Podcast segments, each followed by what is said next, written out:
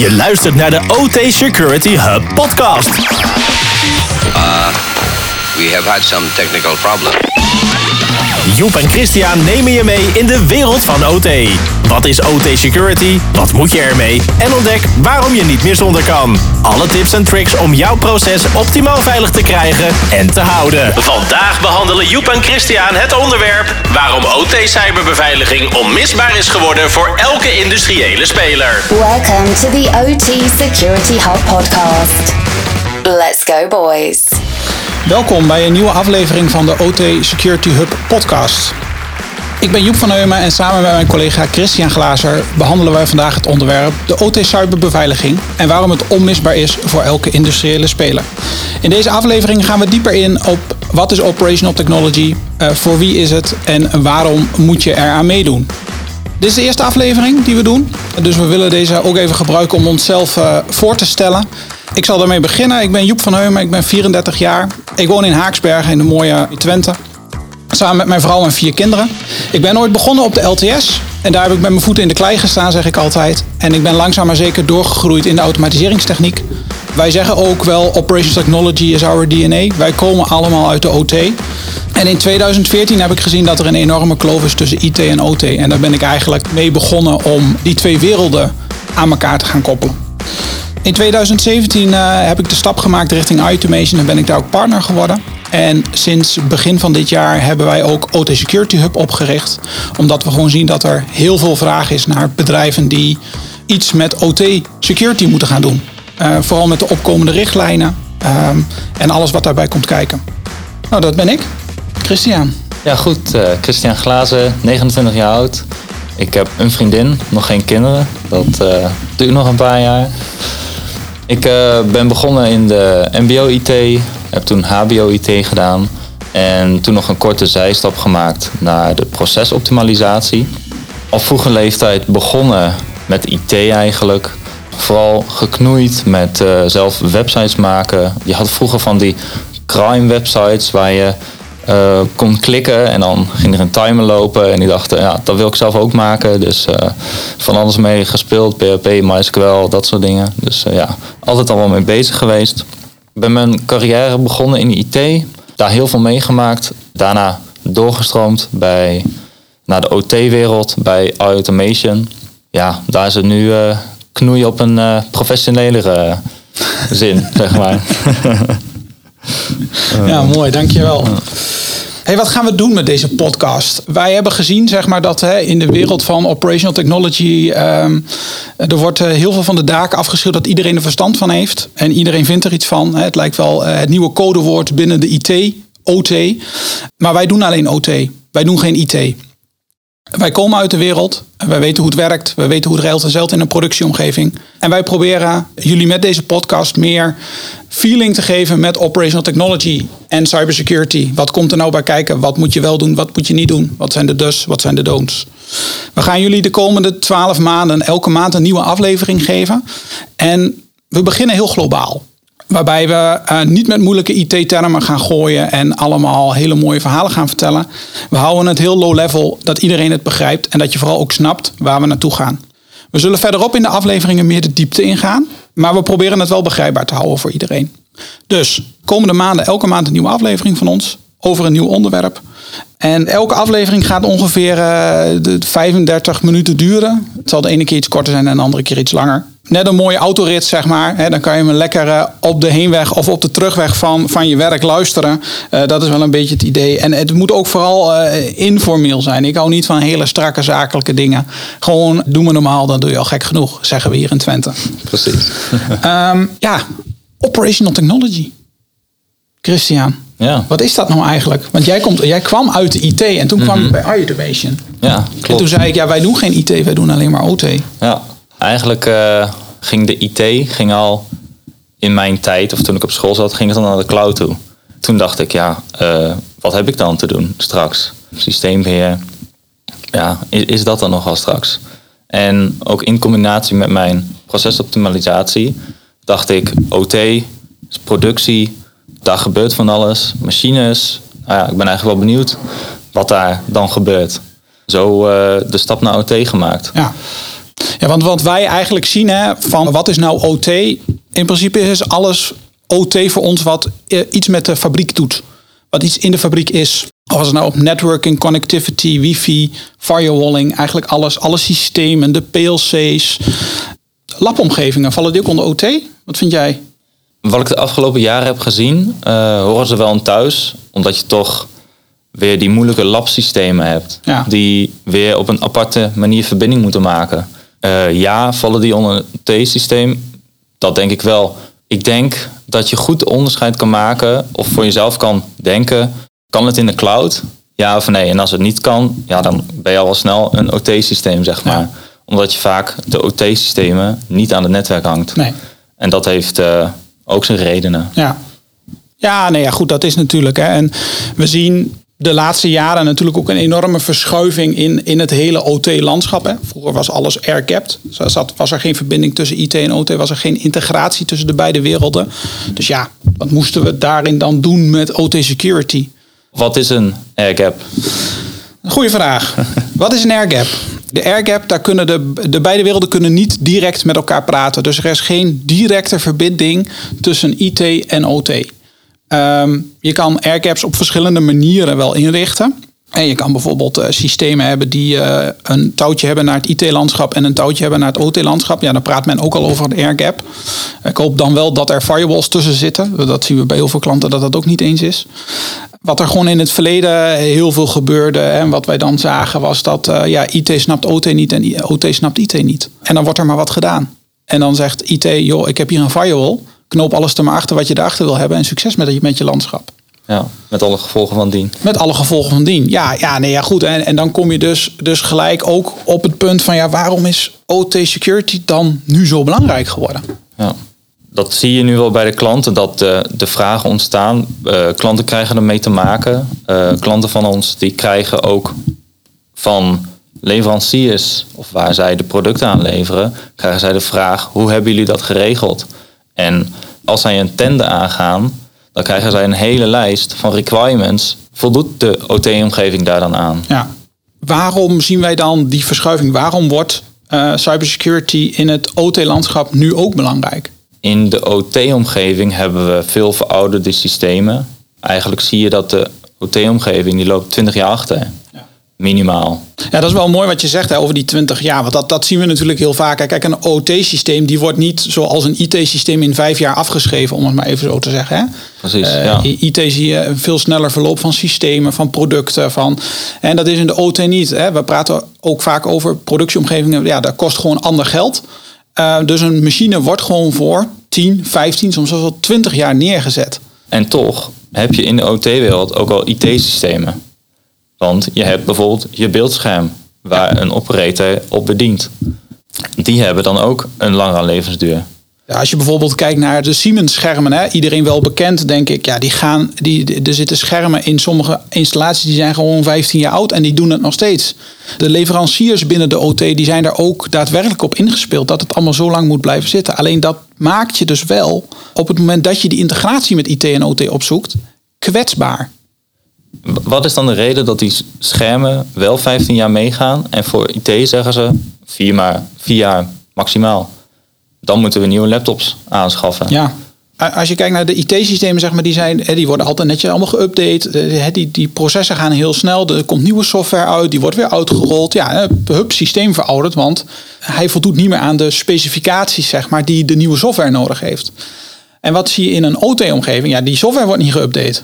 Er worden wel wijzigingen aangebracht, hè, maar je blijft, als je bijvoorbeeld kijkt naar een PCS7-systeem, hè, versie 6.1 komen we gewoon nog regelmatig tegen.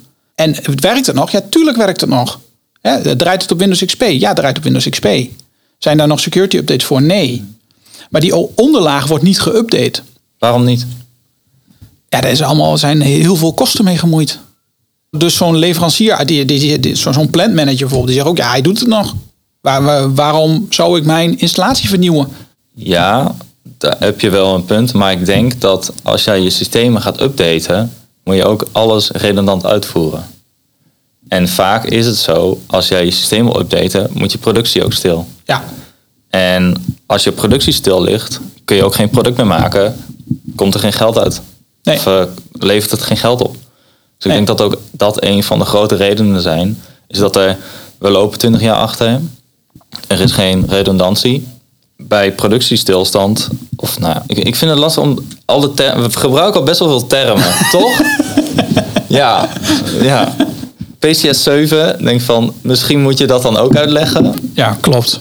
Klopt. Je merkt gewoon dat je wel heel erg in het vak zit. En dat je, Ja. dan, dat je dan heel snel... Je gaat heel snel met termen gooien. Ja. Dus sorry ook daarvoor. Hè, misschien dat we eh, toch even wat eh, afkortingen onder de podcast zetten. Met wat verduidelijkingen. Ehm PC7 is Process Control System. Dat is een DCS-systeem van Siemens. En dat is een hele mooie, scheuige naam voor... Daar kan je je hele plant in onderbrengen. Dat zien we vooral bij hele grote fabrieken terugkomen. En je, en je plant als fabriek. Plant als fabriek. Ja, sorry. Ja, plant als fabriek, niet in plant als plant. ja, zeker. Hey, de integratie. We hadden het er net over waarom wordt cybersecurity dan nou zo belangrijk? En dat komt natuurlijk omdat we steeds vaker de integratie opzoeken. Vroeger waren het allemaal standalone netwerken. Allemaal blackboxen die we naar binnen fietsten de fabriek in. Eh, de, de machine wordt gewoon gekocht, wordt neergezet. Oh ja, Eh, er moet ook nog een printje uit. Huppatee, wordt de connectie met IT opgezocht. Black Eh, de blackbox, ja, nou ja, gewoon de machine als, als, één, als één apparaat, zeg maar. Hè? Dus die, die wordt gewoon ingekocht. Hè, we hebben bijvoorbeeld een, een, een waterinstallatie nodig. Nou, er wordt een waterinstallatie gekocht. En die wordt helemaal door één leverancier geplaatst. Zit een touchpaneltje in waarmee je de machine kan bedienen. En voor de rest is, is, het standalone. Eh, en dan zeggen ze, oh ja, wacht even. Hey, er moet ook nog een printje uit. Ja, en daar wordt dan weer die integratie opgezocht hè, met IT. Dus daar wordt een connectie gemaakt eigenlijk met het IT-netwerk. Van ja, dat printje moet eruit. En daar komen we dan ook gelijk op, ja, hè, die, op die cybersecurity uit. Want er is dus weer een verbinding naar het IT-netwerk. En die systemen die in dat OT-stuk leven, ja, die worden niet zo goed vaak voorzien van patches, updates, firewalls. En daar word je dus kwetsbaar. Want op het moment dat er iets in dat IT-netwerk gebeurt, hopt het zo door naar je OT-netwerk. IT regelt de IT-zaken wel. Maar voor OT Wordt er vaak niks geregeld. wordt er vaak niks geregeld. En voor IT is er altijd wel een budget beschikbaar. Zijn er mensen beschikbaar. Eh, de, de, worden, de IT-mensen worden opgeleid. Ja. Maar voor OT, ja, dat is maar een ondergeschoven kindje. Ja, vaak wel. Hè. Dat zie je ook in de, in de fabriek. Hè, De fabriek draait toch? Waarom zouden we iets met security moeten doen? Ja. Totdat je wel gehackt wordt. En dan? Want wij zeggen altijd van... eh, het is niet de vraag of je gehackt wordt, Maar wanneer? maar wanneer. En ben je er dan klaar voor? Want dat klaar voor zijn, zeg maar, dat, dat, dat zegt ook weer iets van... Hey, hoe snel ben je dan weer back on track? Hè? Ben je weer terug in productie? Kan je weer, komt er weer product uit je fabriek? Want, nou ja, weet je, we kunnen wel even een mooie... hè, we zijn nu toch nog een beetje hoog over eh, aan het praten.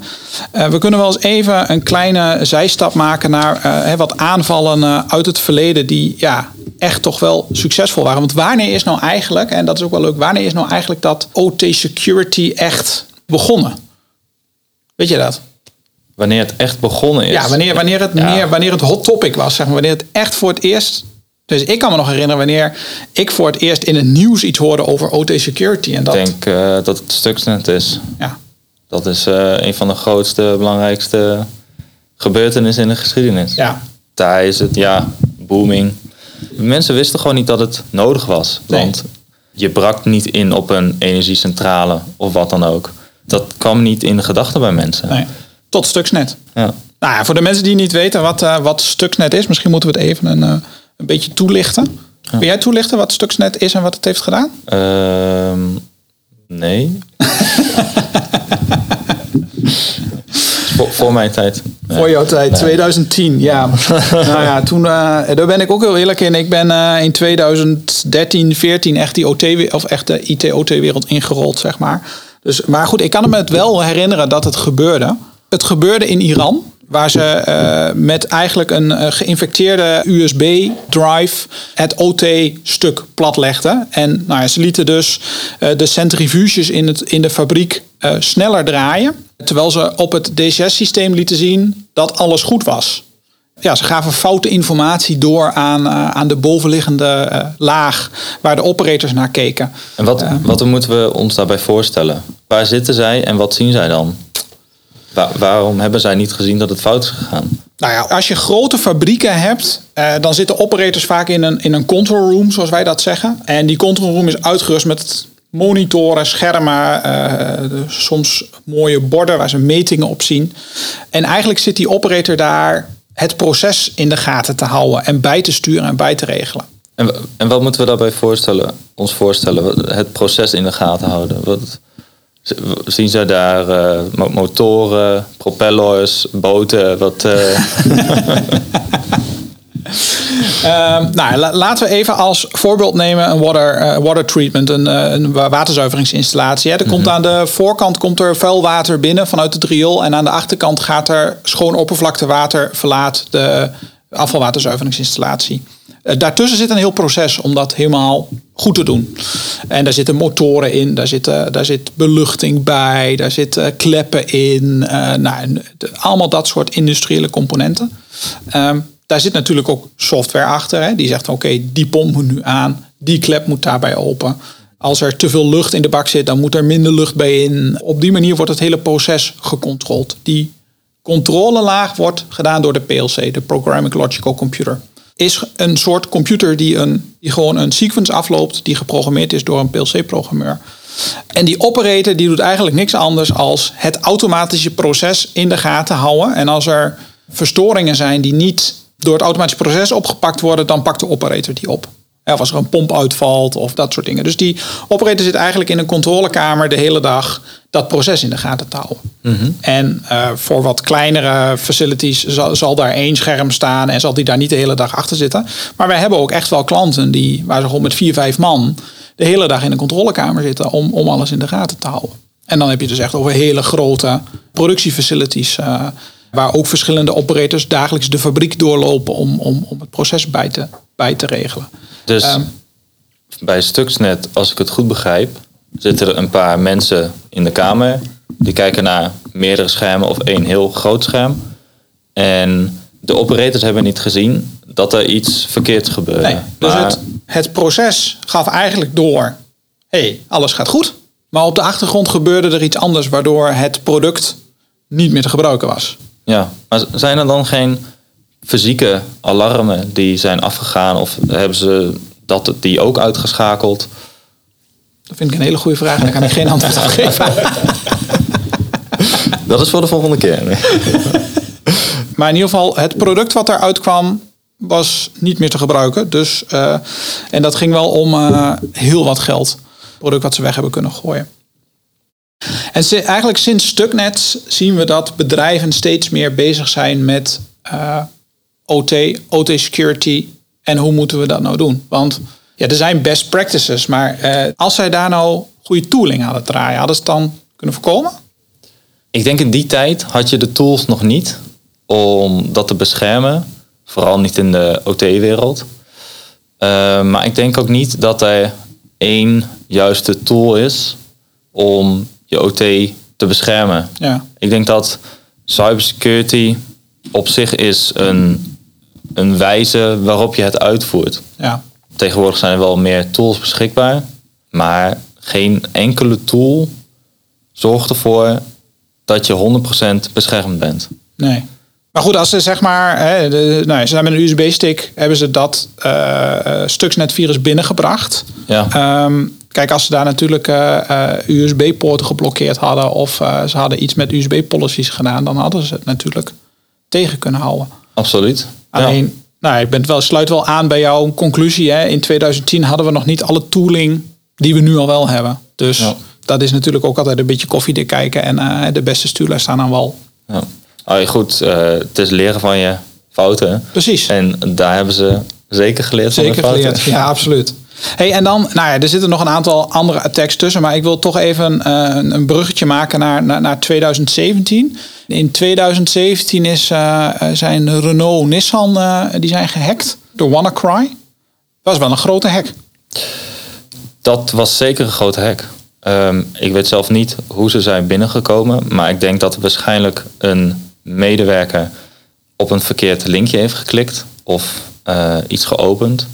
Want de WannaCry-virus, dat komt eigenlijk binnen via bijvoorbeeld of een USB-stick ehm, of via je mail En als een medewerker daar dan op klikt, ehm, ja, dan wordt er in de achtergrond wordt er iets uitgevoerd. En na een paar minuten, misschien wel een paar seconden, zijn al je bestanden geencrypt, niet meer leesbaar. Om niet in de technische details te gaan, wordt eigenlijk je bestand onleesbaar gemaakt voor de computer en krijg je het mooie scherm betaald met bitcoins. en het liefste 100. Ja, precies. Dus, eh, Ja, dat, nou, dat is wel het verdienmodel van de hacker, hè? Die mooie bitcoins, zeg maar. Dus als je dan gehackt Ja. wordt, dan vragen ze altijd van... Hey, eh, wil je even met bitcoins betalen? Want het is natuurlijk... een bitcoin is niet, in principe niet traceable voor eh, de autoriteiten. Ja, je kan wel achterhalen waar het vandaan komt. Het moeilijke is het witwassen van het geld. Ja, Nu gaan we wel naar de crypto, zeg maar. Daar zijn andere podcasts voor, voor de crypto. Ik weet, ik weet al ongeveer, ik heb het zelf nog nooit gedaan, maar ik weet al ongeveer eh, hoe ze het doen, zeg maar.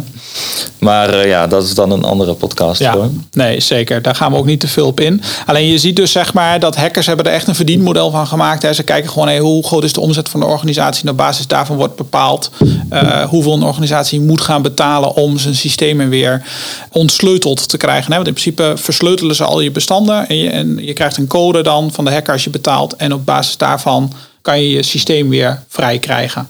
Maar dat is, dat is wel grappig, want op een gegeven moment moet je die hackers moet je benaderen. Wat nou als zo'n hacker niet benaderbaar is? Zijn die 24-7 beschikbaar? Hoe, hoe, hoe werkt dat? Een hele goede vraag. Ehm, kijk, het verdienmodel van die hacker is natuurlijk dat er betaald wordt. Dus hij zal er alles aan doen om met jou in contact te komen. Dus dan hebben ze misschien ook wel iets van een klantenservice. Ja. Ja, je moet je, moet je klanten goed, eh, goed bedienen. je moet je dan, klanten goed eh, bedienen. En ja. vooral als er eh, heel veel geld wordt gevraagd voor Ja. bitcoins, dan ja. Ja, je, hebt een reputatie dan op te bouwen. En ik neem aan, als het betaald is, dan moet het ook allemaal weer ontsleuteld worden. Ja, en dat, is, dat zie je dus ook. Hè. Op het moment dat je betaalt en je krijgt de sleutel, dan nou, ik denk wel in de 9 van de 10 gevallen ontsleutelt ook alles. Want dat is natuurlijk het verdienmodel. Hè. Want als je betaalt en er, eh, je, je krijgt een sleutel en hij werkt niet, ja, dan valt het hele verdienmodel van die, van die hacker valt dan weg. Ja. Dus, eh, hè, dus eh, er zijn ook wel eh, gevallen waarin de hackers zo goed geëncrypt hadden dat ze het niet meer konden decrypten. Hè, die verhalen zijn er ook. Alleen in 9 van de 10 gevallen wordt gewoon alles weer netjes ontgrendeld. Hey, maar als we dan nog even terugkijken naar WannaCry en Renault. Hè, vijf productiefacilities. Engeland, Frankrijk, Slovenië, Roemenië en India. Dus ze hadden daar echt wel een hele grote te pakken. Is ook heel veel geld geëist. Maar ze waren binnen een week weer operationeel. ja. Slechte virus. Of goede backups. Dat is ook eh, een mogelijkheid. Maar goed, als je een goede virus hebt, die zorgt er dan ook voor dat ook je backups worden encrypt. Of eh, worden verwijderd. Of wat dan ook. Maar eh, ja, binnen een week, dat is heel netjes, ja. Ja. Ik zou niet durven te vertellen hoe ze het hebben gedaan. Maar ik denk dat backup wel... dat, ze die, dat ze dat in ieder geval in orde hadden. Ja, daar lijkt het wel op. Ja, want als we dan. ehm dit is de eerste podcast, maar als we dan even kijken naar wat, naar wat best practices. om, om mee af te sluiten. Hey, wat zijn al. Als je nou zegt eh, van hé, hey, wij, wij doen helemaal niks aan OT security op dit moment. We, doen, we weten helemaal niet hoe het in elkaar zit. We, waar moeten we dan beginnen? Of moet je wel beginnen? Je, moet- je moet direct beginnen. nee, het is. eh, als we ervan uitgaan dat echt. Dan gaan we ervan uit dat alles open staat. Dat, dat, je van, eh, dat een operator ook naar het internet kan en dat soort dingen. Dan zeg ik, gooi alles dicht. Het is toch. eh, Gooi alles dicht? Hoe, binnen- hoe gaan we dat doen dan? De deur op slot? Dat kan. Maar goed, als Nee, de deur op slot doen, dan heeft het eh, systeem nog steeds een verbinding met het netwerk. Nee, het gaat dan om het netwerkverkeer. Oh, dat, een, dat een operator in ieder geval niet naar leuke websites kan, bijvoorbeeld. En dat je echt binnen je OT, moet je ook binnen je OT-omgeving blijven. Ja. Zet de deur dicht eh, naar buiten toe. Daar zou ik dan beginnen. Ja. Eh, sowieso je verkeer. Wat, wat komt er allemaal binnen? Waar gaat het heen? En dan is het denk ik, ja, de makkelijkste stap die je kan nemen, is het verkeer blokkeren vanuit de firewall. Ja. Ja, en vanuit daar creëer je wat rust. Dan kan je door middel van tooling of wat dan ook, kan je steeds meer drempels opbouwen. Precies. Die het voor een hacker moeilijker maakt Ja. Om binnen te dringen in jouw systeem. Ja. Ja, maar dat, dat, dat is natuurlijk, hè, kijk, het is wat we ook al in het begin zeiden: het is niet de vraag of je gehackt wordt, maar wanneer en ben je er dan klaar voor? Dus op het moment dat je nu in een OT-omgeving werkt en je denkt: hey, doen wij iets met OT-security of hoe heeft onze IT-afdeling het geregeld? Stel gewoon eens die vraag. Stel gewoon eens die vraag. Van hey, wat doen wij eigenlijk met OT-security? Hoe zijn wij beveiligd? Hebben we alle assets in kaart? Hè? Weten we wat er staat in de fabriek? Een asset is een, is een PLC, is een systeem, is een computer, is een, ja, het kan ook een pomp zijn, het kan een klep zijn. Vaak weten we wel heel vaak wat voor kleppen en pompen er zitten, maar weten we helemaal niet wat voor touchpanels er zitten of computersystemen. Of... Ja. Dus begin eens met een, ook met een inventarisatie. Ja. Maak een, uh, maak een, een assetlijst, een CMDB, waarin je opschrijft van hey, dit hebben we allemaal zitten. Weet wat voor netwerken er zijn, wat voor een verkeer er loopt. En als je dat niet weet, dan net wat je zegt, zorg ervoor dat je tooling binnenkrijgt, dat je het in kaart kan brengen. Ja. Dat is ook eigenlijk als, eh, als wij bij een nieuw, nieuwe klant binnenkomen, vragen wij, wat hebben jullie hier allemaal staan? En 9 van de 10 keer dan uh, weten we eigenlijk niet. Dus uh, ja, dan, dan, moeten wij ook gewoon door de ja, fabriek gaan. Zeker, en soms, uh, zijn, soms zijn de netwerken ook zo verouderd dat we helemaal niet met tooling kunnen werken. Hè? Dus dan is het echt gewoon, ja, dan gaan we gewoon de kasten af. En dan kijken we gewoon naar wat zit er in de kasten en welk switchje loopt het, hoe, hoe is het geconnecteerd. Ja, dat, dat, dat, dat hoort er ook bij, ja. ja. hey, we gaan afronden. Wat hebben we vandaag allemaal besproken? Nou, het was natuurlijk de eerste podcast. Ik, ik vond het heel leuk. Ik vond het een heel ja. leuk gesprek samen. Het is toch wel um, even wennen zo. Uh, ja, het is, ja. ja. het is toch wel even wennen om zo met elkaar hier aan tafel te zitten. En hè, we hebben het natuurlijk in het, in het werkveld heel vaak over OT security. En we zijn er allebei dagelijks mee bezig. En uh, wat, ja. wat, wat, wat, we allemaal doen. Ja, en leuk dat we nu ook andere mensen kunnen over vertellen. Ja. Dan elke keer elkaars gezeik aan. Wat hebben we behandeld in deze aflevering? Hè? Natuurlijk, uh, de, de, wat is OT? Waarom is het zo belangrijk? Uh, we hebben wat uh, hacks uit het verleden behandeld. Ehm, we hebben al een paar kleine best practices gezet, maar daar gaan we de komende afleveringen veel meer over vertellen. Ja. Dus ik wil jullie bedanken voor het, het, het, luisteren naar, naar onze podcast. Volgende maand komt er weer een nieuwe aflevering uit, dus uh, stay tuned.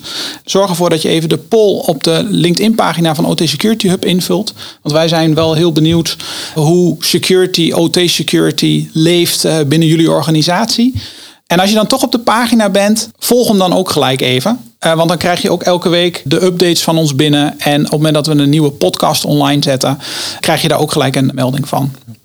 En we vinden het natuurlijk hartstikke leuk om feedback te ontvangen. Zeker. Dus, uh... Zeker. Dus als je suggesties hebt, uh, als je denkt van hey, dit lijkt me wel een gaaf onderwerp dat Joep en Christian dat eens een keer behandelen met elkaar, stuur deze dan naar podcast@otsecurityhub.com. En als je nou niet weet waar je moet beginnen met OT security, of als je zegt van hey, jongens, kijk eens even met ons mee, uh, ga dan naar de website van otsecurityhub.com en klik op de knop OT Security Scan. En dan uh, neemt Christian of ik zo snel mogelijk uh, contact met jullie op. Bedankt voor het luisteren. Bedankt voor het luisteren. En tot de volgende keer. Dit was de OT Security Hub podcast. Bedankt voor het luisteren en graag tot de volgende keer. Wil jij een OT Security scan voor jouw bedrijf? Ga naar www.otsecurityhub.com/podcast en meld je aan. The OT Security Hub.